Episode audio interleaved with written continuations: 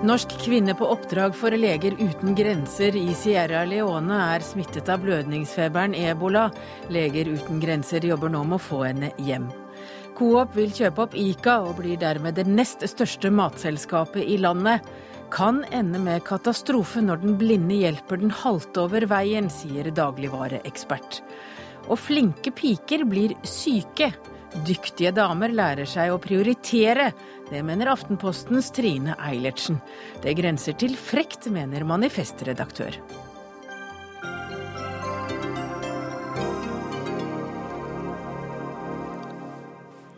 Ja, Velkommen til Dagsnytt 18. Jeg heter Hege Holm. Du får i denne sendingen også møte en bekymret far som mener at en råtten fyllekultur råder blant ungdommene på Oslos beste vestkant. Akkurat nå holder Leger uten grenser en pressekonferanse om den ebolasmittede kvinnelige medarbeideren.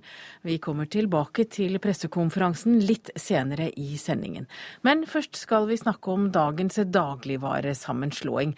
For i dag har altså dagligvarekjeden Coop inngått avtale om overtagelse av Icas over 500 butikker i Norge. Mange frykter at butikker blir lagt ned og arbeidsplasser kommer til å forsvinne. Både Coop og Ica har slitt med å drive lønnsomt de siste årene. Og Odd Gisholt, du er fagsjef for varehandel ved Handelshøyskolen BI. Hva betyr oppkjøpet? Jeg har jo fulgt disse bedriftene i mange tiår. Og det betyr jo i og for seg at um, Ica i Sverige er kvitt et problem, og Coop i Norge har fått en sjanse. Og når det gjelder Icas butikker i Norge, så får vi jo se da hva det blir til med disse. Jeg har i løpet av dagen spøkt med å si at det er den blinde og den halte som skal gå sammen over veien. Og med det mener jo jeg at eh, Ica har jo vært blinde, for de har jo tapt milliarder i Norge.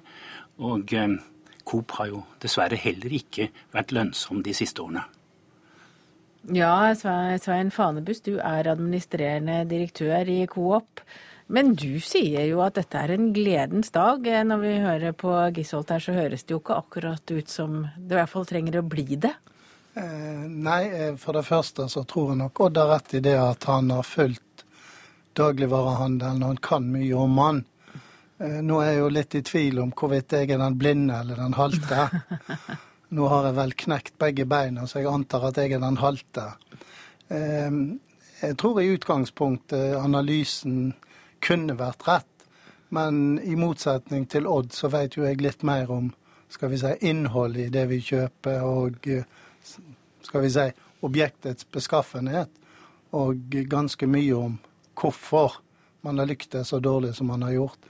Og en del av disse her verktøyene, disse viktige innsatsfaktorene, har jo vi tatt hensyn til når vi har gjort våre vurderinger. Men når dere nå da får over 500 ICA-butikker, eh, så frykter jo mange at dere vil legge ned noen. Kommer dere til å gjøre det? Blir det færre butikker i Distrikts-Norge? Utgangspunktet er jo at vi overtar 553 butikker. Eh, første instans som skal behandle oppkjøpet, og det skal meldes til Konkurransetilsynet så det er åpenbart at vi i en del områder har så høye markedsandeler at tilsynet vil sette et antall butikker på en liste der vi vil få beskjed at disse må dere avhende. Det betyr selge til andre. Man kan ikke løse det med å ligge de ned. I neste omgang må jo man få en fornuftig strukturering på de gjenværende 1300-1400 butikkene. Og i det bildet så vil jo jeg på ingen måte garantere at det ikke vil bli lagt ned noen butikker. Men eh, jeg skulle til å si alternativet til Ica, om de hadde bestått som Per Strømberg sa i dag, var jo at den alternative planen var jo å legge ned alle distriktsbutikkene som fantes nord for Namsos.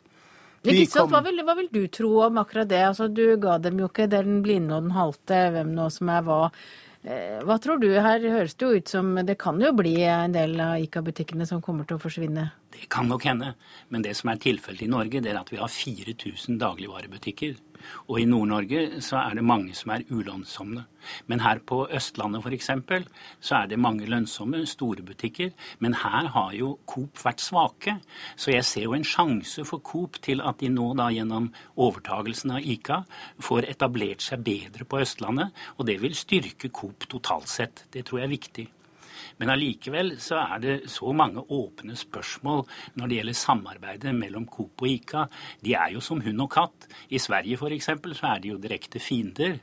Og jeg må jo også spørre Fanebuss, da. Det er jo ikke lenge siden du gikk inn et samarbeid med Rema 1000 i et uh, samarbeid som heter CORE.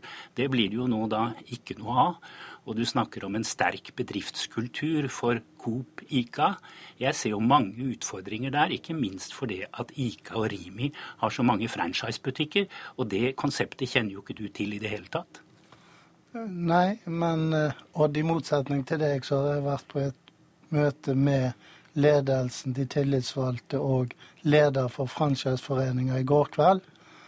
Og jeg har hatt og deltatt på et allmøte i dag og vi har jo 9000 ansatte i selskapet. Og jeg vil jo si at positiviteten og forventningene er store. De ser en mulighet for en fornyelse. Og rundt denne fornyelsen så ligger jo også muligheten. Og det gikk et brev i dag fra formannen i Franchiseforeningen etter vårt møte og samtale i, i går til, til sine kollegaer der han refererte til samtalen og hadde god tro på at den måten vi organiserte og la opp dette arbeidet, var troverdig. Og han vil i hvert fall anbefale at vi jobber videre med dette. her. Så jeg tror nok vi skal greie å få til et fornuftig samarbeid med de 40 av butikkene som er franchise. Og jeg tror også vi skal ta vare på butikker. Men jeg sier ikke at vi ikke kommer til å legge ned butikker. Randi Flesland, du er direktør i Forbrukerrådet, så du er, eh, du er liksom oss forbrukere, da. Du representerer oss her. Mm. Eh, hva syns dere? Forbrukerrådet hadde jo helst sett at det fortsatte, i hvert fall med fire kjeder. Men i og med at ICA har slitt på den måten de har gjort, så syns vi dette er det beste alternativet. Eh, og Vi ser også at ICA og Coop utfyller hverandre bra på landsbasis, så nå får vi faktisk tre landsdekkende kjeder. Eh, og da har vi en forventning om at de skal være gode og konkurrere mot hverandre, sånn at vi sikrer den konkurransen som gjør at vi som forbrukere får et mangfold og får et valgmuligheter, og som vi sier, riktig pris for riktig kvalitet. Så har jeg jo litt lyst til å utfordre bl.a. Svein Fanebust her på også ta vare på det lokale mangfoldet, for Coop har jo en historie på det. Eh, og det er jo mange regioner som har mye lokalmat og mye å tilby. Eh, og Vi hadde jo gjerne sett at det kom noen små regionale kjeder som på en måte tok vare på det, men kanskje i denne konkurransen som er landsdekkende, at man faktisk kan ta det inn i seg, sånn at eh, man tar vare på mattradisjonene rundt omkring i landet, og sikrer det mangfoldet også. Så vi har en eh, forventning om at dette skal styrke konkurransen, fordi vi har tre mer likeverdige kjeder og de går over hele landet. Så er vi selvfølgelig da også spent på hva Konkurransetilsynet vil si. Og Det vet vi jo ikke her, men jeg Isolt, etter hva jeg har skjønt, så tror du Konkurransetilsynet kommer til å si ja? Det tror jeg. De sa jo nei til Norgesgruppen ICA. Men eh, de har vel signalisert at hvis ICA bare allierer seg enten med Coop eller med Reitan, så vil de kunne se positivt på det. Og Det tror jeg nok er tilfellet, men Fanebust har jo sagt det kan jo være enkelte områder, enkelte bygder, hvor da Coop og ICA står så sterkt at Konkurransetilsynet vil si at akkurat her må dere selge ut noe. Kanskje da selge til Norgesgruppen f.eks. Så i og for seg så tror jeg at denne avtalen går igjennom. Men den er ikke ideell. Det beste hadde jo vært at de ikke hadde blitt for egen maskin i Norge, og i de neste fem årene da hadde fått litt hjelp av Norgesgruppen, sånn, sånn som det lå an til. Men det kan vi jo nå bare glemme, for nå har jo da Coop kjøpt 100% av aksjene i ICA Norge. Og det skal jo bli spennende å se hvilke profilhus de da vil bevare. ICA supermarked vil vel forsvinne, men kanskje Rimi vil bli som eget profilhus uh, fremover. Så her er det jo en del spennende ting uh, som er i gjære så må jeg få lov å si at eh, Forbrukerrådet var jo meget skeptisk til samarbeid mellom Norgesgruppen og ICA, for Norgesgruppen er så stor allerede har 40% Så det hadde nok vært det verste løsningen for forbrukerne, slik eh, Forbrukerrådet ser det. Så for oss forbrukere så er dette en bedre løsning. Men det er klart at det er mange utfordringer på veien. For det er de to minste og de to med lavest lønnsomhet som nå skal finne veien og utfordre de to sterke, som er de som tjener mest og vokser mest. Så dette blir spennende. Men Fagerhus, hvordan tar du imot utfordringen den, om det lokale? Den er veldig bekvem med. Vi har et godt utbygd nett på, på lokalmat. Jeg tror faktisk vi i forhold til størrelse er den som er best på lokalmat. Og vi akter å bli enda bedre. Og jeg er helt enig med Randi at mye av nøkkelen for å utvikle den norske mattradisjonen ligger og bygger sterkere cluster i de regionale områdene. Og få denne her maten mer frem og få den mer anerkjent. Så det tror jeg vil bare være en konkurransefordel. Men hvordan vil kundene merke at dere nå overtar over 500 ICA-butikker? Jeg tror de vil merke det på tre områder. For det første så har vi en svært ambisiøs plan med oppgradering. Butikker som går med underskudd over mange år, har en tendens til å bli litt Stusslige? Ja. Og derfor så skal vi bruke en god del penger på å eh, gradere opp butikkene. Det er veldig mange kompetente medarbeidere. Man må ikke liksom likestille kompetansen hos medarbeiderne med underskudd i bedriften. Man vil få bedre rammebetingelser, bedre innkjøpsvilkår, lavere kostnader. Så jeg tror at man skal oppleve disse butikkene atskillig bedre. Jeg hadde lyst til å stille et spørsmål til Fanebust her. Han har jo nå betalt over 2,5 milliard kroner for en bedrift som har gått med milliardunderskudd i flere år. Du syns ikke du har kjøpt eh, denne muligheten litt vel dyrt, da? Jeg er veldig fornøyd med prisen. Takk til dere, Odd Gisholt, Randi Flesland og Svein Fanbust. Dagsnytt 18 alle hverdager klokka 18.00 på NRK P2 og NRK2.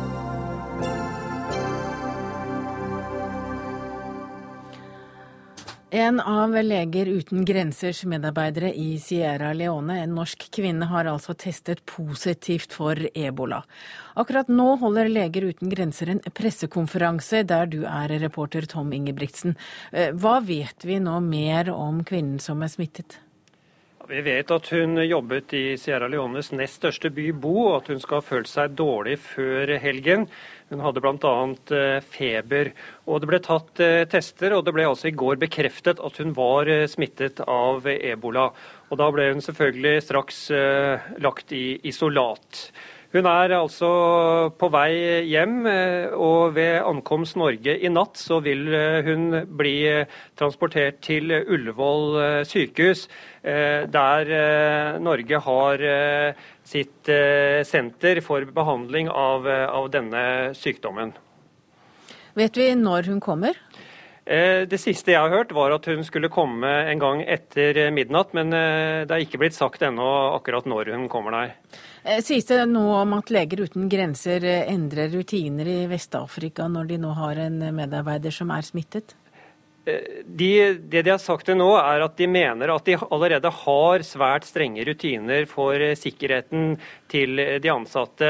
Eh, de sier også at eh, det vil jo alltid være en risiko likevel for at man blir smittet, og at dette er vanskelig å unngå 100% Men de er altså i ferd med å undersøke hvordan denne kvinnen ble smittet, og om prosedyrene som de har, ble fulgt i dette tilfellet. Takk til deg, Tom Ingebrigtsen. Du følger pressekonferansen i kveld.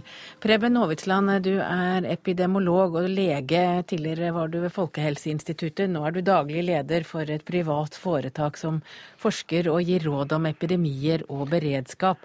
Eh, du skulle egentlig være her i dag for å diskutere regjeringens opptrappingsplan i kampen mot ebola, men dessverre kan ikke helseministeren komme, for han eh, han forbereder sin egen pressebrifing i forbindelse med den ebolasmittede norske kvinnen. Men Novisland, du er med oss. Overrasker det deg at eh, en norsk feltarbeider eh, er blant eh, de smittede?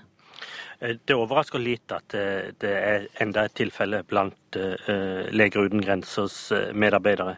De er jo kjent for å ha veldig gode rutiner. Men dette understreker kanskje jeg kjenner jo ikke saken i detalj, men dette understreker jo problemet når eh, helsearbeidere blir helt overvelda og overarbeida når det er altfor mange pasienter og altfor få helsepersonell på plass. Og Da understreker dette behovet for at det trengs mange flere helsepersonell fra Norge og Vesten i Sierra Leone nå. Hvordan smitter ebola? Det smitter når man eh, får eh, på egne slimhinner i, i, ansiktet blod, oppkast eller diaré fra pasientene. Det kan skje ved direkte sprut eller via fingrene. Dette er jo en svært alvorlig sykdom, og vi hører jo at eh, flere hundre mennesker allerede er døde, av sykdommen i Vest-Afrika. Men eh, hva kan helsevesenet i Norge gjøre, hva kan de gjøre for kvinnen som nå kommer hjem? Eh, mot ebola så er det jo ingen spesifikk behandling. Det er ingen tablett eller antibiotikum man kan bruke. Men man har veldig god støttebehandling med moderne intensivbehandling. Og Det betyr at eh, folk med ebola som behandles på moderne vestlige sykehus, de har en mye lavere dødsrisiko enn de 70% man ser i Afrika nå. Men vi ser jo at eh, de nå varsler at det kan spre seg til Frankrike, det kan spre seg til Belgia, nå kom det til Norge nå. Eh, hva vil skje når sykdommen da sprer seg over hele Europa? Nei, jeg tror ikke det er noen fare for det. Det man har varsla om, er jo at det kan skje noen, noen, noen slengere, noen enkeltreisende fra disse landene som kommer til Vest-Europa for, for, å besøke venner og familie eller sånt. Eh, det vil i våre, våre samfunn bli håndtert ganske greit, tror jeg pasienter vil bli identifisert, diagnostisert og isolert, og så følger man opp kontaktene for å se om noen av de er blitt smitta. Man vil ikke se den raske spredninga ut i samfunnet som man nå ser i Afrika. Men, men, du mener jo at den norske regjeringen bør sende mer norsk personell og utstyr til Vest-Afrika. Det betyr vel økt risiko også? Det gjør det på, på en måte. Men på den annen side sett så er det jo sånn at når det er få mennesker på jobb på disse sykestuene, så er risikoen for alle de mye større. Fordi at eh, de, de har kortere tid og mange flere pasienter å ta seg av. Hvis en kunne fylle opp disse sykestuene med mye helsepersonell fra Norge og fra Vest-Europa, så ville risikoen for alle bli redusert, for da får man bedre tid på hver pasient og kan ta de nødvendige forholdsregler. Derfor er det viktig at, at Norge begynner å sende eh, mye helsepersonell. Ja, I dag har jo regjeringen bevilget da 89 nye millioner kroner til Vest-Afrika fra før av, og nå er de jo oppe i 184 millioner kroner i pengebidrag. Og så snakker de om også at de skal sende mer utstyr og personell. Er det er det, det vi kan? Ja, men eh, problemet, sånn som jeg ser det, er jo at det tar altfor lang tid. Det er over to måneder siden Verdens helseorganisasjon slo alarm og ba om mer helsepersonell. Og jeg mener jo at det er på tide at eh, myndighetene i Norge og ellers i Europa ikke overlater dette alene til frivillige organisasjoner som Leger uten grenser, som gjør en glimrende jobb. Men de kan ikke håndtere dette alene. Nå må myndighetene på banen og virkelig sende ned store mengder helsepersonell fra Europa. Men du, du, kan vel ikke sende helsepersonell uten videre til et eh, land som er rammet av ebola? Uh, de vil trenge noen dagers opplæring i hvordan de skal beskytte seg med dette utstyret de trenger. Men ellers går jo behandlinga ut på, på samme måte som man behandler mange pasienter her hjemme. Støtte, eh, pleie, eh, vaske, gi mat, eh, gi intravenøs behandling. Dette kan norske sykehusleger og, norske sykehussykepleiere. Så det er først og fremst en, en kort, kjapp opplæring i, i den, disse beskyttelsestiltakene. Så, så kunne de gjøre en god jobb der nede. Men mener du rett og slett at det er viktigere å sende folk enn å sende utstyr og penger? Ja, altså eh, Det var en representant som, eh, fra Leger uten grenser her som sa at eh, for oss er ikke pengesummen så viktig, men at det sendes personell og utstyr. Utstyr er fint, men det viktigste er personell. For det at har du ikke personell, så får du ikke gitt den livsviktige behandlinga til pasientene. Og da vil jo ikke pasientene oppsøke sykestuene, for det er jo ikke noe der å gjøre. Så vil de istedenfor bli hjemme hos familien og, og smitte de. Så det helt kritiske er å ha velfungerende sykestuer med tilstrekkelig personell.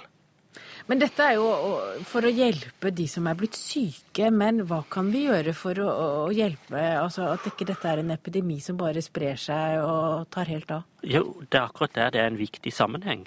Fordi at eh, smittekildene det er jo de som er syke. Og hvis de blir hjemme, eller blir på arbeidsplassen, eller blir hjemme i familien, så smitter de jo folk der. Derfor må vi ha gode sykehusstuer som kan hente inn de syke, sånn at de blir isolert fra samfunnet og får god behandling og ikke utgjør noen smittefare. Derfor er de sykestuene veldig viktige på to måter. De skal redde liv, og de skal hindre smitten å spre seg videre. Og for å ha gode sykestuer så trenger du mange helsepersonell, og det må komme fra Europa og Amerika. Betyr det også at vi bør lære opp helsepersonell i de landene som er rammet? For dette er jo en epidemi som kommer igjen med ujevne mellomrom? Ja da, vi, kan, vi bør absolutt lære opp helsepersonell i de landene. Men husk at et land som Liberia de har jo ikke mer enn 50, eh, eller de hadde 50 leger, nå er jo noen av de døde av ebola. Så, så et helt land som har like mange innbyggere som Norge, har altså rundt 40 leger. Eh, og, og, det er ikke så mye de kan klare alene. Derfor trengs det 2000-3000 leger og sykepleiere fra Europa. Nå skulle vi jo hatt Høie her som kunne forklare hva, hvorfor han har gjort det han har gjort, og hvorfor han eventuelt ikke vil gjøre det du foreslår. Men Høie han forbereder jo da som kjent sin egen pressekonferanse i forbindelse med kvinnen, den norske kvinnen som er smittet. Men, men, du ønsker jo at vi skal sende helsepersonell til Afrika med en kort opplæring. Men det er vel ikke bare å hente ut norsk helsepersonell? Vi har vel ikke så overflod av det her hjemme at vi kan bare hente ut sykepleiere og leger og sende de til Vest-Afrika etter et kort kurs? Jeg tror ikke, jeg tror ikke, det, norske helse, jeg tror ikke det norske helsevesen bryter sammen om, om, et par hundre leger og sykepleiere drar til, til Vest-Afrika for å avhjelpe situasjonen der. Eh, absolutt ikke. Det, det bør vi eh, ta oss råd til. Aavitsland, du er jo epidemiolog og lege. Kunne du tenke deg å reise?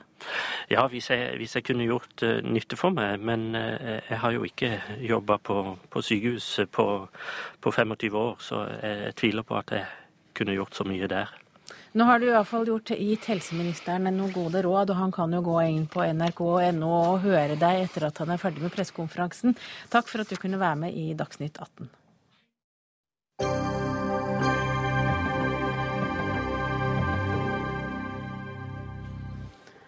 Ja, Det er ikke så ofte jeg sier det, men nå må jeg nesten si det. For nå skal vi virkelig snakke om noe helt annet enn Vest-Afrika og ebola. Vi skal til Oslos vestkant. Fyllekuler, smuglersprit og hasj er vanlige ingredienser for en vellykket helg for vestkantungdom. Det skriver vestkantpappa Torkel Brekke i lørdagens VG. Brekke han slår alarm, og han innrømmer jo i samme slengen at for å finne ut dette her, så har han vært og snokt i podens Facebook for å innhente kunnskap om det han beskriver som en ganske råtten festkultur. Torkel Brekke, du er altså professor i religionshistorie ved Universitetet i Oslo. Du er pappa på vestkanten i Oslo, og jeg vil tro du ga mange andre foreldre en litt dårlig lørdag etter at de hadde lest VG. Hva sier tenåringene hjemme hos deg? De tar det veldig pent, så det er en veldig bra dialog. Eh, det handler jo ikke om individer, det handler jo heller ikke først og fremst om tenåringene, selv om jeg skriver om dem, men det handler jo først og fremst om foreldrene. Eh, og det handler vel om eh, Altså det jeg forsøker å gjøre, det er jo å få foreldre mer på banen. Fordi jeg tror det har skjedd et slags brudd eh, når det gjelder hvordan festing foregår. At ting skjer mye fortere enn før. altså ungdom kommuniserer veldig kjapt på masse plattformer. det tar veldig kort tid, som politiet ofte sier i denne debatten. Det tar kort tid før det er mange ungdommer til stede ved en fest som ikke skal være der, osv. Det er en utvikling som jeg tror mange foreldre ikke har eh, helt fulgt med på. Så en del av vår omsorg må være å følge med på dette her. Eh, og ikke være naive. Og det er ikke bare det at vi lukker øynene og tenker at det, det ordner seg nok? Tror, vi festet også da vi var unge. Jo, jeg tror dessverre litt for mange foreldre lukker øynene og tenker at det ordner seg nok. Eh, og jeg tror, og Det jeg vil oppnå, er jo at foreldrene kommer mer på banen. Det er jo selvfølgelig ikke min hovedhensikt å henge ut ungdommer. Det er ikke det jeg gjør her heller. Jeg, men jeg henger litt, foreldre litt ut, fordi jeg tror vi av og til er sløve og for opptatt av å opprettholde en fasade. Var du en sløv eh, far som eh, var opptatt av at Eller trodde alt var i orden? Og så ble du på et eller annet tidspunkt vek, vekket? Ja, det handler jo ikke, igjen så handler det ikke så veldig mye om meg. Men, Men selvfølgelig, jeg kan- jeg kan igjen- jeg kan, Jeg kan kjenne igjen eh, bekvemmeligheten med å tenke at dette går veldig bra. Eh, ikke sant? Eh, jeg, jeg, jeg kan kjenne igjen eh, behaget ved, ved, ved å tenke at dette er ikke mitt ansvar. Eh, Poden er liksom 14 år, og, og det går nok bra, for det gikk bra da vi var unge også. Og ofte går det helt bra, men jeg tror mer åpenhet eh, kan være bra. Men, men mener du at den festkulturen er så ille at eh, en må gjøre noe med det? Altså, Igjen så bygger jo dette på personlige erfaringer. Jeg er her som far. Jeg er ikke her som forsker. Det er veldig viktig å understreke for meg. Eh, og mye av det jeg har sett, og jeg har sett observert eh, ganske lenge nå, den er Ut fra det så vil jeg jo si at mange av disse festene de tar litt for mye av. Og det går for fort. Og det er litt for mange foreldre som eh, overlater et hus til ungdommer eh, uten helt å tenke på konsekvensene. Alexia Bovim, du er mamma i det samme geografiske området, og du reagerer på det Brekke skriver om, eh, om vestkantungdom. Du blir litt aggressiv, du ser litt rødt. Du liker Altså, det nå ikke. er jeg i motsetning til Brekke vokst opp på vestkanten, så jeg har jo opplevd festkulturen øh, da jeg var ungdom også, så jeg vet jo hva jeg snakker om. Og greia er at det er ikke noe, skjedd noen endringer.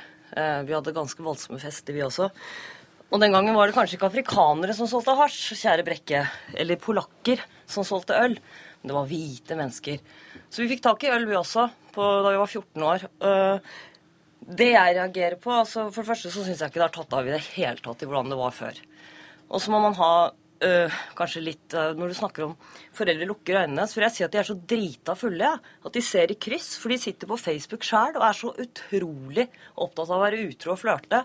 Så hvis disse menneskene her skal snoke, disse vestkantforeldrene skal snoke i barnas Facebook, så håper jeg virkelig Du kalte meg jo naiv og lite nyansert i VG. Jeg håper virkelig at det er så nyansert at de barna kan få lov til å se de voksnes Facebook hvis de lurer på foreldrene sine. Fordi det må jeg virkelig innrømme at eh, når jeg ser på noen av disse foreldrene som sitter med sånn der som du er veldig opptatt av, at man skal sitte og snoke og tyste og, og en tystekultur jeg mener er forferdelig kjip. Men altså, nå- hvis vi går tilbake til utgangspunktet Men skal vi ta, skal vi ta det Men altså, den råtne festkulturen Ja. eksisterer ikke mer enn den gjorde for 20 år siden. Det er sikkert riktig. Det vet ikke jeg noe om. Nei, det Eh, gjør du ikke. Men eh, altså det som påpekes her altså når det gjelder eh, altså Jeg tror noe av forvirringen Uh, nettopp er dette med å si at barn og foreldre er like. At barn skal ha samme rett til å se på din Facebook som du har. til å, Det er jo selvfølgelig ikke tilfellet. For det, voksne og barn er forskjellige. Um, og i- mitt ideal pers personlig er selvfølgelig at man ikke skal um, overvåke hverandre. Heller ikke gå inn på sosiale medier. Men jeg tror de fleste, jeg tror også du vil være enig i at det er Men Gjorde du det fordi du var engstelig? Selvfølgelig. Eh, man gjør ikke det uten Gikk ikke det så bra med 14-åringen din, da? Var du litt engstelig for andres barn, eller? For det, da begynner vi også å snakke om litt uh, jeg, jeg vil nesten tippe at det er kriminelt, ja, det du driver med. Jeg vet at jeg provoserer meg, og det er så krenkende, det du gjør. Ja, det handler ikke så veldig mye om meg, eller, Ja, men Du sier jo det, at det baserer deg på deg som far. Du må jo bestemme deg, du som Det går ut og snakker om, om- uh, at den ene prøver å selge bøker, og den andre av- er Men nå må Brekke og snakke til- ferdig. Hva, av og til- hvorfor gikk du inn på din sønns Facebook-konto? Det var en kort periode i fortiden hvor jeg hadde reelle bekymringer for ting som skjedde, og jeg hadde god grunn til å gjøre det. Og en del foreldre har det, og da holder det ikke å ha prinsipper som, som sier at man aldri kan gjøre det, fordi den omsorgen og kjærligheten man har for barn, den må av og til resultere i at man bryter privatlivets grenser for barna. Ja, men kjenner så- kjenner du sånn ikke er barna dine? Sånn er det bare. Er det sånn du Eh, blir kjent med Men barna det er dine? altså ikke det det hovedsakelig handler om, da. Det er foreldrekulturen som, som må bli mer åpen. Men eh, eh, for å ta akkurat det med Facebook, Alexi. Hvis du er bekymret for, Ja. for dine barn, og de svarer deg bare i korte stavelser, og det hender jo tenåringer gjør Vet du hva, Da vil jeg veldig gjerne få lov til å bare akseptere at en tenåring er en tenåring. Og så vil ikke jeg prøve å tro at jeg er så innmari kul eller eh, liksom Nå skal jeg oppleve. Det er som jeg sier, det er noe som heter investeringstid. Når barnet blir tolv år, så syns ikke de mor og far er det mest spennende i verden. Den tiden du har opparbeidet deg sammen med barna frem til du er tolv år, det er den viktigste tiden. Og da mener du at da skal man begynne å sitte og snoke fra 12 til 16, for etter 16 år så eksisterer det fullstendig absolutt taushetsplikt. Mm, og du til- mener at du skal sitte da fra fra 12 år til 16 år og så sitte og snoke. Men så kommer barnet og sier du, når jeg er 16 år Nei, hva er det du mener da? Mener at det skal være grenser, da, plutselig? Selvfølgelig skal det være grenser. Det er, en, det, er en, det er en grunn til at det er aldersforskjell her. Det er en grunn til at du har innsikt i ditt barns legejournal, en, en 14-åring f.eks. Nei, men det har jeg ikke, For-? Det er, det er en grunn til at du, Du har ikke det det, er, sånn det er du videre. som har myndigheten over barnet Jo da, men du har ikke det sånn uten videre. For det er noe som heter Men- tillit, og den vil du ikke ødelegge. Hvis du ødelegger den, og hvis du er så altså, Sånn som det du gjør nå altså Hvis jeg hadde gjort noe sånn mot barna mine, de hadde mistet vennene sine. Og, og holde på sånn uh, Det er en sånn trokultisme, det du også har. Liksom, det så sånn kul å liksom være inni barna ikke- dine. Altså Hvem som er, skal være kul her, det tror jeg ikke du skal snakke så mye om. men Det handler egentlig Nei da, du om meg. liker den der, der ja. Mm, jeg er kul. men men dette handler ikke om, eh, om meg. Eller det, det handler om prinsipper og, og en kultur som, som er mulig å endre på. Ja, men hvis du hadde som sagt, eh, hvis du hadde vært litt kul, da, så kanskje barna dine hadde sluppet å ha en far som sitter og snoker på barnets Facebook og sitter 'Nå skal jeg fortelle om ølmannen'. Ølmannen jeg visste om i tre år. Vet du hvorfor? For jeg kjenner barna mine. Mm. Så nesten du er opptatt av å snakke om jeg er kul Men Brekke, det er jo du som har stukket nesa di fram her først, Mm. og, og du har eh, brukt din egen familie som bakgrunn. Men du etterlyser, det, det du etterlyser, er at foreldre tar Mm, mer er ansvar foreldre. som foreldre? Ja, det er at foreldre innser at ting skjer mye fortere enn det har gjort før. Det er tilgang til mange forskjellige eh, rusmidler, inkludert smuglersprit, eh, hasj osv., og, og andre ting som, som ikke man hadde nødvendigvis like god tilgang til før. Eh, Og eh, jeg etterlyser da at foreldre er mer på banen og klarer å snakke med hverandre.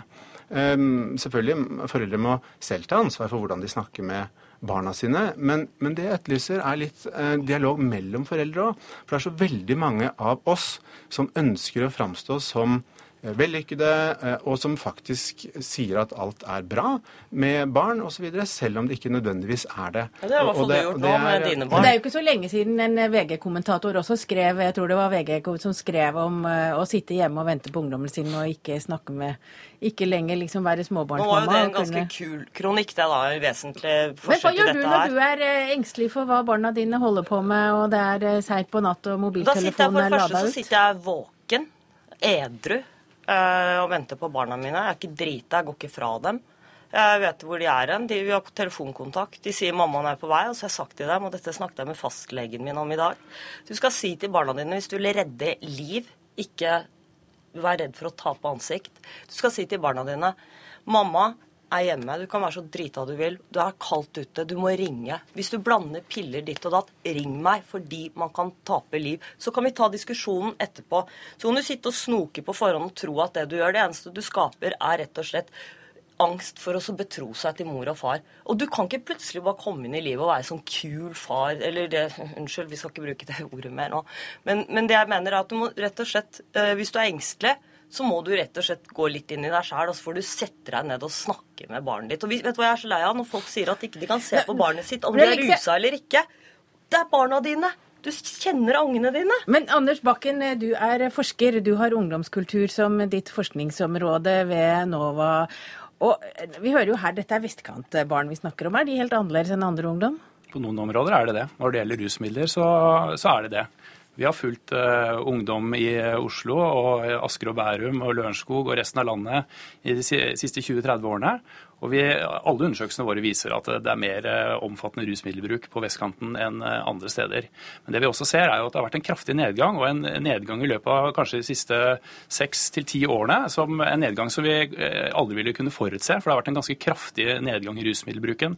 Og det gjelder over hele landet. Men når vi ser Oslo, så er faktisk nedgangen litt lavere i, på Oslo vest enn det har vært på Oslo øst. Så når du leste Brekke på lørdag, så, så bare nikket du og sa ja, sånn er det? Nei, jeg, jeg bare nikket ikke. For han, han relaterer også i debatten her noe om eh, hvordan ting var før. Altså, det, var, det var større tilgang til disse rusmidlene før enn det, enn det det er i dag. Men eh, det, når jeg også ikke nikket, så er det fordi at eh, jeg er litt bekymret for eh, det som også ble tatt opp her om tillitsrelasjonene mellom ungdom og foreldre. For at det vi har sett, og som kanskje er noe av forklaringen på nedgangen i rusmiddelbruk blant ungdom, er nettopp at relasjonene mellom ungdom og foreldrene har blitt mye tettere over tid. Altså det er tettere bånd. Det er mer tillitsrelasjoner mellom ungdom og foreldre i dag. Og jeg er litt bekymret hvis, hvis foreldre skal begynne å snoke det som kanskje oppfattes som dagbøker da, blant, blant ungdommene, så er jeg litt bekymret for at dette kan føre til svekkede tillitsrelasjoner, rett og slett. Men du slår fast det er mer rusmisbruk. Og har dere noen forklaring på hvorfor vestkantungdommen drikker og ruser seg mer enn andre i Norge? Altså det vi vet er, eh, I motsetning til det som ble sagt før her, er at foreldre også i ungdomstida er veldig sterke rollemodeller for barna sine. Og det vi vet er at Foreldre på vestkanten de drikker mer enn eh, foreldre f.eks. For på østkanten. Mm. Og Tilgangen til alkohol og, og, rusmidler er rett og slett høyere også på vestkanten enn på østkanten. Da fikk du siste ord. Takk til deg, Anders Bakken, forskningsleder for seksjon for ungdomsforskning ved NOVA. Takk også til Alexia Bovim og Torkil Brekke.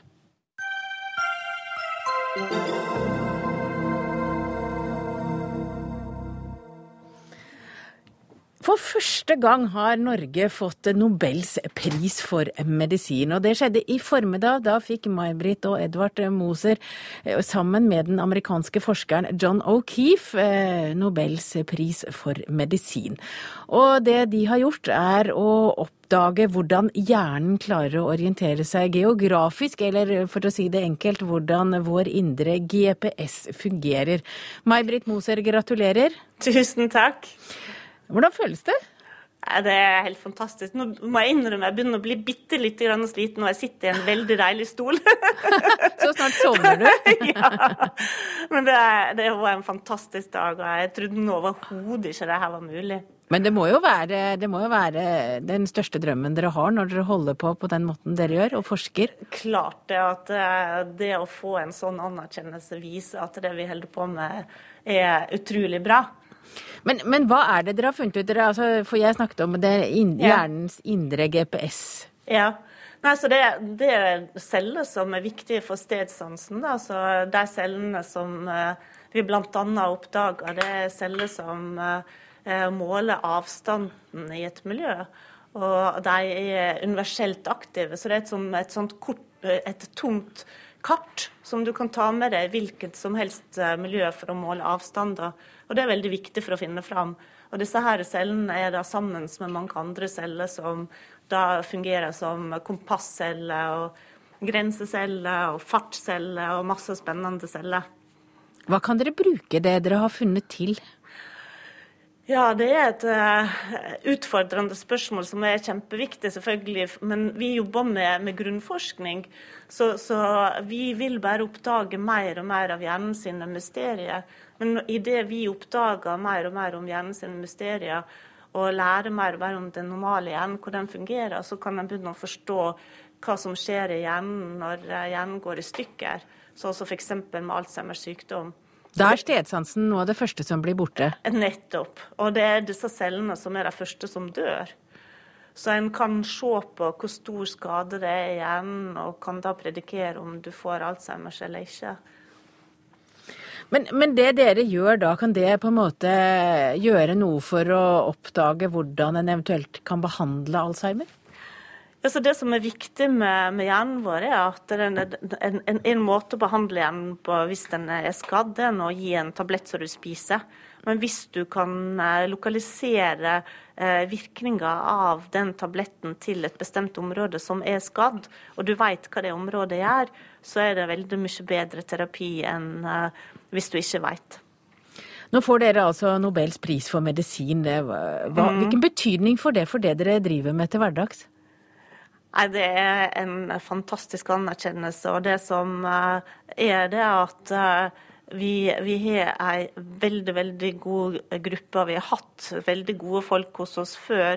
Så det er en anerkjennelse for, for det grundige og eksellente arbeidet som vi driver på med. Men det er også utrolig viktig for de som har støtta oss, oss siden 1996, når vi starta vår egen lab her på NTNU, og Forskningsrådet og politikere. og det, vi, vi, har hatt enormt mange støttepersoner rundt oss som var veldig viktige. Og så har vi Kavli Foundation, selvfølgelig. Og Så betyr det vel at dere bare kan fortsette med dette så lenge dere har lyst?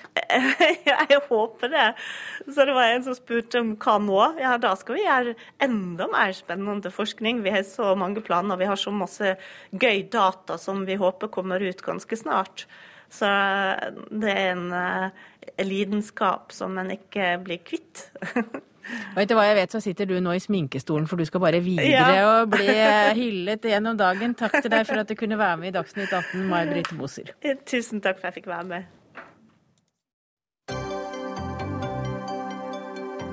Hør Dagsnytt 18 når du vil. Radio NRK Radio.nrk.no.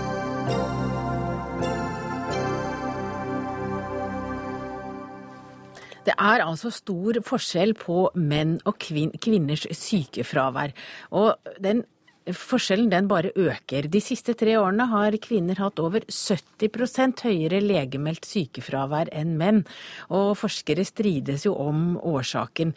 Og det er du også interessert i å vite, forsker Arnstein Mykletun. Du er eh, forsker på sykefravær, og du har skrevet en kronikk om dette. Og hva viser forskningen?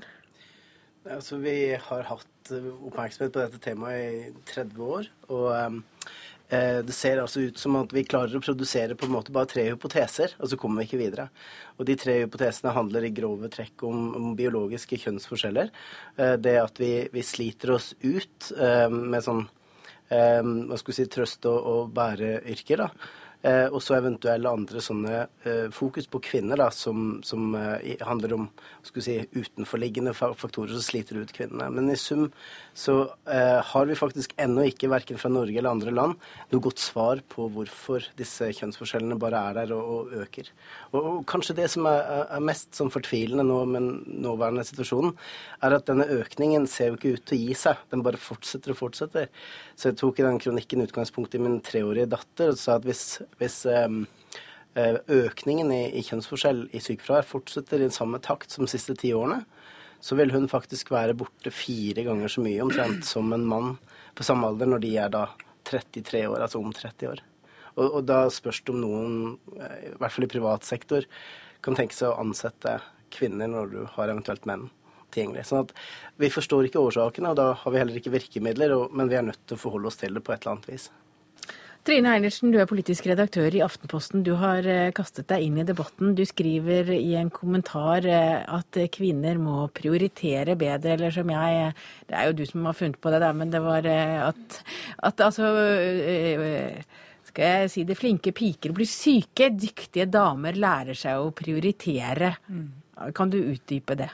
Ja, altså Utgangspunktet der var jo for det første at jeg er veldig nysgjerrig på denne forskjellen i utviklingen av sykefravær mellom eh, menn og kvinner. Og så har jo Mykletun og andre snakket om denne trippelbyrden. Altså at kvinner har eh, ofte omsorgsyrker som de jobber i som er slitsomme. De har, eh, tar mye ansvar hjemme. Og på toppen av det hele så har vi et samfunn som hva skal jeg si, pålegger kvinner en del ekstra krav. Da. I hvert fall hvis du skal lese både vår og andre medier, så får vi inntrykk av at kvinner skal være slanke og pene, ha kontroll på interiør, lage god, sunn mat, vedlikeholde vennskap og familie og alt som er. Eh, og så får du en, en, litt sånn overload i enkelte deler av gruppen kvinner, altså virkelig enkelte deler, dette gjelder ikke alle, som handler om at det blir for mye. og Istedenfor å velge vekk, så går det an å diskutere om noen ikke greier å velge vekk. Det eneste de greier å velge vekk, er da jobben i enkelte, enkelte perioder av livet i form av, en, av sykefravær. Eh, og I så fall handler det om holdninger, og da mener jeg at det er viktig å diskutere de holdningene. Så jeg går, eh, går ganske hardt ut når jeg lanserer holdninger som en mulig forklaring forklaring. Men, eh, eh, men jeg syns det er interessant å diskutere det. For som Yklutun sier, Du har ikke så veldig mange håndfaste forklaringer. Og vi kan ikke gjemme oss bak det at vi blir, vi blir hele tiden pålagt nye krav og forventninger. På et tidspunkt så må du også snakke med kvinnene sjøl og si hvor kommer de kravene og forventningene fra, og når skal du ta ansvar for sjøl å rydde opp og prioritere vekk og kutte ting fra listen, da. Ida Søraune Wangberg, du er redaktør i Manifest Tidsskrift. Du reagerer på den kommentaren Eilertsen eh, skrev, og nå hører du jo eh, Eilertsen gjentar. Hva er det du reagerer på? Ja, eh, jeg syns også det her er et veldig alvorlig problem, da, som er veldig viktig å, å prøve å finne årsakene til, nemlig at kvinner har høyere sykefravær enn en menn. Og da syns jeg det grenser litt til frekkhet når Trine Eilertsen bruker de her tallene som en sånn, eh, en, et påskudd for sin eh, slags konservative kjepphest for å, eh, å, kutte i sykelønna for alle nordmenn. Det er en veldig sånn kjapp quickfix-løsning som jeg tror ikke løser noe som helst. Da. Jeg tror vi må gå til, til det vi vet om forskjeller på, på kvinner og menn. Eller på det som er årsaken til at sykefraværet er høyere for kvinner. Og da må vi se på eh, på hva vi vet om hvordan vi deler på omsorgsoppgavene i hjemmet. Eh, Og når Trine Eilertsen sier at kvinner må lære seg å prioritere, så tror jeg det er veldig mange kvinner som, som nettopp sliter med det, da, og kanskje særlig i småbarnsfasen, der det er store krav både på hjemmebane og eh, for mange kvinner også på jobb i den fasen de samme periode som de får barn. Eh, og der må vi også se at det stilles helt uh, ulike forventninger til hva kvinner og menn skal prioritere. For mens menn uh, prioriterer jobben sin og karrieren sin, uh, så er det noen da som må prioritere det omsorgsarbeidet som skjer i hjemmet. For det er ikke sånn at hvis da kvinner bare plutselig begynner å prioritere jobben sin i stedet, så forsvinner liksom syke barn som trenger noen til, som, til å være sammen med seg, eller, eller gamle foreldre som trenger noen litt ekstra omsorg. så jeg tror vi også må, må skje da, at eh, dersom kvinner skal prioritere jobben sin, så må jo menn også prioritere omsorgsoppgavene i hjemmet høyere. Eh, og da eh, syns jeg det blir litt feil å liksom rette pekefingeren mot kvinnene. Men du mener det er mennene som må ta mer ansvar? Ja, jeg mener for det. å få ned sykefraværet blant kvinner? Ja, eh, for at kvinnene også skal få lov til å prioritere jobb, da, så må eh, menn ta eh, mer ansvar på Mens du er egentlig litt klar til å vurdere egenandelen i sykefraværet? Ja, altså, Når jeg tar opp den syke, sykelønnssituasjonen, så er jo det mer det at vi har den sykelønnsordningen. Vi har, fører jo til at vi sannsynligvis har et overforbruk av, av sykelønn blant både menn og kvinner. Men så gir den ordningen også et rom for de som har en, en holdning til at det er greit å, å være sykemeldt. eh, Og hvis det er flere av de blant kvinner, så vil jo det få et utslag. Men det er egentlig ikke det viktige her. Det viktige her er jo, er jo det som, eh, som eh, Ida er inne på. Det er I en periode der, eh, der menn faktisk har tatt mer ansvar hjemme. Er, kvinner og menn deler mer på oppgavene hjemme. Så i samme tidsperiode så øker altså forskjellen i utviklingen på sykefraværet. Og det syns jeg er helt merkelig. Og jeg er jo helt enig i, i beskrivelsen av hvordan mange kvinners eh, virkelighet er. Og det med å sjonglere jobb og, og familie og alt dette som de aller fleste av oss holder på med, og klarer helt fint. For de aller fleste av oss er jo nettopp nødt til å finne den balansen og greie å jobbe og greie å eh, følge opp barn og greie å drifte en eller annen form for familie og hjem. Det er jo det norske kvinner er verdensmester i å gjøre. Men så ser vi at det er en gruppe, da, eh, og jeg eh, tror mange av oss eh, kjenner noen som, som ikke greier det. Og så er spørsmålet hvorfor greier de ikke det? Er det bare noen andre sin skyld, eller har det også med, med holdninger blant kvinner å gjøre? Men Mykletun, du sier at dette er en svært betent debatt. Så her er det mye benektelse. Den er bagatellisert og bortforklart. Hvorfor det? Hvorfor den er bort? Det er vel for den griper litt som inn i det, noe av det vi er kollektivt veldig stolte av i Skandinavia, og kanskje Norge og Sverige spesielt. Nemlig at vi har verdens høyeste eh, yrkesdeltakelse blant kvinner. Eh, Men det som på en måte da er liksom den, den, den mørke skyen på det likestillingsprosjekthorisonten, Horisonten, så vidt jeg kan se, eh, det er jo da at det, spørsmålet er finnes det ett samfunn i verden som har fått dette til, altså som har fått en svært høy yrkesdeltakelse blant kvinner, og som samtidig ikke har fått en stor kjønnsforskjell i sykefravær. Um, Fins Finnes det? Nei, jeg vet ikke om et. Og det ser ut til å være et ganske tydelig mønster. F.eks. Eh, Tyskland, Østerrike, Frankrike en vesentlig lavere yrkesdeltakelse blant kvinner. Og, og, og der er det enten lav eller ingen kjønnsforskjell i sykefravær. Så, men, det, det, Så der det er få kvinner i arbeid, der er det ikke noe kjønnsforskjell. Men der det er mange kvinner i arbeid, der er forskjellen stor. Ja, det er det overordnede bildet, da. Eh, og så er det noen, noen, noen land som har Er det det at kvinner har et annet forhold til arbeidslivet enn menn? Nei, det, det er her vi kommer litt til kort. da. Hvis du skal spørre meg som forsker, så, så er det ikke gode svar på dette. Men si, det som derimot er litt gode tall på, da, det er jo dette som du tar opp om, om dobbeltarbeidsrollen. og Det har vært den kanskje mest populære hypotesen i 20-30 år på hvorfor det skal være en kjønnsforskjell i, i sykefravær, nemlig at kvinner har alle disse tilleggsbyrdene og tar ansvar som menn ikke tar, heter det gjerne. Men, men det er jo riktig som du sier, da, at tidsbruksundersøkelser, altså undersøkelser av hvordan par bruker sin tid, tyder jo på det motsatte. Nemlig at menn deltar stadig mer hjemme, arbeider færre timer i yrkeslivet. Kvinner øker ikke like mye. Så det, det er relativt bare en liten økning i kvinners yrkesdel- yrkesdeltakelse i- i mål til timer, men en betydelig nedgang i mens. Så det går i likestillende retning, og da er det riktig som du sier, at da skulle vi på en måte ut fra den hypotesen forvente at sykefraværsforskjellen mellom menn og kvinner skulle gå ned. Ja, Wangberg, er det sånn at eh, jenter eller kvinner ikke er så opptatt av karriere, arbeid som menn? At er eh, at de, når de er slitne, så velger de heller den forebyggende Sykemelding. Jeg tror det er veldig forskjell på ulike kvinner her òg. Men nå er det jo statistikk, nå er det statistikk da. Ja, men, men, jeg tenker at vi også må se litt på hvordan arbeidslivet er organisert. da, Og om det er tilpassa et moderne familieliv. Nå har jo normalarbeidsdagen ikke endra seg så veldig stort siden 1919, men samtidig har vi hatt kjempestore endringer i familielivet, nettopp ved at kvinner har gått ut i arbeidslivet. Så jeg tror det er jo en, en gruppe gruppe som blir sykemeldt, men det er jo også veldig mange eh, som opplever i hverdagen at ting ikke tida strekker til. Da. Eh, og da tenker jeg at eh, at man kan begynne å se på om, om, det eventuelt går an med noe arbeidstidsreform eh, for å få kortere arbeidsdag eller kortere arbeidsuke, for å, at man både kan få tid til, eh, til jobb og være sammen med unger og andre ting i livet som er viktig. Da. Eh, men eh, ja, jeg tenker jo også at, uh, som du sier, at uh, ja, menn gjør stadig mer hjem, men det er fortsatt kvinnene som, som, sitter med på en måte hovedansvaret for å huske på alle de tingene som skjer i barnehagen, og uh, så kan man godt delegere de oppgavene, men jeg tror det er et gjennomgående mønster at, at til syvende og sist er det kvinner fortsatt som sitter med det ansvaret. Da. Trine Eilertsen, er kvinner kontrollfriker hjemme og gir mer blaff enn borte? Det finnes mange eksempler på det. Det, det diskuterer vi i hvert fall i min gjeng eh, ofte i hva grad vi greier å slippe. Men jeg tror, men jeg tror eh, altså, som sagt, De aller fleste norske kvinner håndterer jo dette her på en helt uh, imponerende måte, syns jeg. Altså, de, de jobber uh, fulltid, de jobber uh, og gjør veldig mye, mange av de innenfor normalarbeidstiden, mye mer enn sine mannlige kolleger. Eh, de, eh, de, klarer å håndtere livet hjemme, de klarer å balansere ganske greit. Og det er, en, det er en ganske kort fase i livet der dette er veldig vanskelig for dem. Så vi må ikke sykeliggjøre den fasen når kvinner har jobb og barn, for det gagner i hvert fall ikke likestillingen.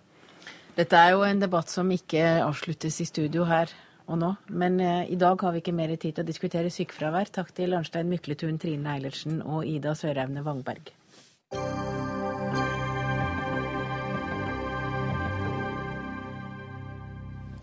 Legg ned høstferien, det skriver Hege Ulstein i Dagsavisen. For den har ikke lenger noen mening, og foreldre har ikke, har ikke nok fridager til å få kabalen til å gå opp med skolebarn. Det er nettopp skolesituasjonen som viser at vi trenger høstferie. Det mener lederen i Sosialistisk Ungdom. Og Hege Ulstein, kommentator i Dagsavisen, nå er du endelig tilbake fra høstferie. Ja. Så da er du her i Dagsnytt 18. Men hvorfor vil du legge den ned? Altså, det er flere grunner til det, men uh, utgangspunktet, så vidt jeg har klart å finne ut av, i hvert fall for høstferien, var uh, at man ville ha unger til å plukke poteter. Og det er uh, noe som jeg tror vi trygt kan slå fast at ikke er et veldig sånn, brennende behov i det norske samfunnet lenger. Eh, likevel så har den uka blitt liggende der på det tidspunktet den ligger. Altså Ungene har en åtte ukers sommerferie ca. Så er de seks uker på skolen, og så er det ut i en ny uke med ferie. Og jeg har ikke sett eh, noe god pedagogisk begrunnelse for, for, at det er lurt. Og jeg har tillatt meg å mene at eh, jeg har en ganske sterk mistanke om at det er et dårlig tidspunkt. Du kommer akkurat i gang etter ferien, og så er det poff ut en uke i ferie. Så du tenker at den putter du heller på skoleåret og får en ekstra skoleuke? Nei, nå er det jo sånn at da vi har Da vil nok lærerne bli eh, kjempeglad. Ja, nei, ikke sant. Det er jo, de har sine arbeidstidsbestemmelser som de jo akkurat har streika for å forsvare. og de har ferie og avspasering som, som ligger der sånn som de gjør. Men det jeg har tillatt meg å foreslå, er at man f.eks. kunne legge det til eh, seinere på høsten. At man kunne ta én dag i uka fem uker på rad i november, som er en ganske seig måned å komme seg gjennom. Eh, en annen tanke kunne jo være eh, å gjøre sånn som man gjør i nesten alle bedrifter som har ferieavvikling og spasering. Nemlig at man klarer å gjøre det uten at man legger ned hele virksomheten. Jeg er sikker på at her i NRK f.eks. så har dere avspasering for overtid og ferie. Jeg håper i hvert fall at dere får lov til å ta det, som alle andre. Men det betyr ikke at dere stenger hele NRK en uke, og så må vi sitte og høre på P4 alle sammen. Så eh, Nei, det man- skulle tatt det seg skulle ut. tatt seg ut. Så- men men, men Nicolas liksom- Wilkinson, ja. du er leder i Sosialistisk Ungdom, og du syns jo at høstferien fortsatt er viktig, selv om potetåkrene ikke er der lenger. Ja. Det historiske her er ikke det viktige. Altså Påskeferien eh, skal vi jo visstnok feire fordi Jesus ble korsfesta. Eh, vi går på ski og spiser sjokolade og appelsiner. Det syns jeg er flott. Det betyr ikke at ferien må bort. Det viktigste her er jo å se hva er det egentlig vi trenger for at unge skal ha en best mulig barndom, og at vi skal lære mest mulig på skolen. I dag så er det sånn at én av fire jenter i første klasse på videregående eh, rapporterer ekstremt stress og store psykiske plager. Det betyr at vi allerede nå har en ungdomsgenerasjon som er pressa mye mer enn den var tidligere, med prestasjonskrav både på fritiden og på skolen. Og det å si at vi nå skal ta fra disse unge enda mer av ferien de har, det er å gå helt motsatt retning av det vi trenger å gjøre. Vi har unge som sliter. Da må vi verne om fritida, og heller snakke om hvordan vi kan styrke opplæringen når de er på skolen. Ja, jeg tror at eh, Når det gjelder videregående, så tror jeg i hvert fall i noen tilfeller at høstferien kanskje kan være eh, en god idé. Kanskje særlig det første året hvor du kommer, kommer inn i en veldig ny verden, og kanskje spesielt på yrkesfag hvor det er mye nytt. Men eh, hvis du ser eh, litt lenger ned i årskullene, særlig de ungene som ikke får gå på SFO lenger, altså fra femte trinn, og la oss si et stykke inn på ungdomsskolen, så er det barn som veldig mange foreldre ville være ukomfortable med å være aleine. Og vi vet jo at vi voksne har eh, mellom åtte og ti ukers ferie til sammen i året hvis vi, er, eh, hvis vi er to foreldre sammen, mens eh, barna våre da har et par uker i tillegg. Så det, det gjør det vanskelig, kanskje særlig for aleneforeldre uten tariffavtale, med en fire ukers ferie, å klare å få det puslespillet der til å, til å fungere, rett og slett. Men det er foreldrene du tenker mest på her, Gullstein? Jeg tenker på alle, jeg, vet du. Det er både barn og voksne og lærere. Men eh, hvis man hadde løst det på en annen måte og gitt ungene eh, færre feriedager, men sørget for at lærerne kunne ta sin avspasering, f.eks., eh, så kunne man jo sett for seg at man kunne kombinert det med leksefri eller færre lekser, som også hadde eh, redusert presset på ungene. Så det er ikke noe sånn eh, at man eh, nødvendigvis skal piske de inn i et grusomt system der de aldri skal få fri. Det er ikke det det er snakk om. Men jeg, jeg står fast på at jeg syns, eh, jeg syns at høstferien Hva med å flytte den litt seinere, Wilkinson? Jeg synes For det første syns jeg det er rart at barn skal måtte flytte seg etter voksnes behov. Barndommen er det viktigste vi har. De er ekstremt stressa. I Sverige så er det nå én av tre 16-åringer som blir kalt kronisk eh, utmatta. Altså det, det er en helt ekstrem situasjon. Og da syns jeg det viktigste vi må snakke om, er jo da andre tiltak. Og det, ikke sant? Ja, det kan være vanskelig for noen foreldre, men hva så snakke om gratis SFO? Du sier at de rikeste skal bidra litt mer, så at vi kan få gratis SFO. Leksefri skole, altså leksehjelp på skolen, kjempeviktig. Og dette er jo tiltak som SU og SV går inn for. Men jeg må innrømme at jeg tror ikke SV kommer til å sitte alene i regjering eh, akkurat i dag. Og det betyr jo at det som her legges opp til, er jo at unge mister masse feriedager i en situasjon der de er ekstremt pressa allerede i dag. Jo, men nå foreslår vi Ulstein, du kan ta det f.eks. en fridag eh, hver Mm. uke i november. Ja, og det kan, altså, Vi må jo se på muligheter for å flytte, men det jeg også har hørt mange si, er f.eks. hva om foreldrene bare kan ta det ut når de vil. Og Du brukte jo eksempelet med at man kan jo avspasere i NRK. Problemet er at hvis du har en kurshelg på jobb, altså hvis du har en kursuke, alle skal kurses opp i et nytt e-postsystem, så er det ikke snakk om at du da kan avspasere. Og det jo det elevene er. De er en konstant opplæring. Og hvis du er borte den ene uka alle lærer om pluss og minus, eh, og man så flytter seg videre, så går de glipp av den delen av utdanninga si. Så det her med variert høstferie er ikke mulig. Nå snakker du jo om planleggingsdager og sånn, og det kommer jo i tillegg til de 175 fridagene som barna allerede har. Eh, og jeg, tror i alle fall at man er nødt til å se på eh, hva det gjør med framdriften for høstsemesteret. Eh, rent pedagogisk når det Altså jeg savner kunnskap rett og slett om hvor lurt det er å ta ungene ut en uke så tidlig i skoleåret når de akkurat har kommet fra ferie og akkurat har kommet i gang. Jeg, jeg, jeg har veldig vanskelig for å forstå at det er noe spesielt god idé. altså. Jeg, jeg tror bare at det der presset vi ser akkurat når de treffer inn på skolen Du sa det jo selv, og det er jeg veldig glad for, at du sa at på videregående kan vi bevare den. Nå har vi flyttet så ned til ungdomsskolen. Der ser vi at det er et kjempepress når de kommer seg inn i skolen. Det er et karaktersjokk blant annet de får der. Da er det på tide å snakke om at vi heller bevarer den ferien. Men så vi ser på du kan vurdere å flytte den til et annet tidspunkt på høsten. Det har du allerede Flytting, sagt. flytting kan vi gjøre, men ikke fjern ferien. Nei. Takk til dere to, Hege Ulstein og Nicholas Wilkinson. Denne sendinga er over. Ansvarlig var Kari Li. Det tekniske ansvaret hadde Erik Sandbråten. Jeg heter Hege Holm, og vi høres igjen i morgen.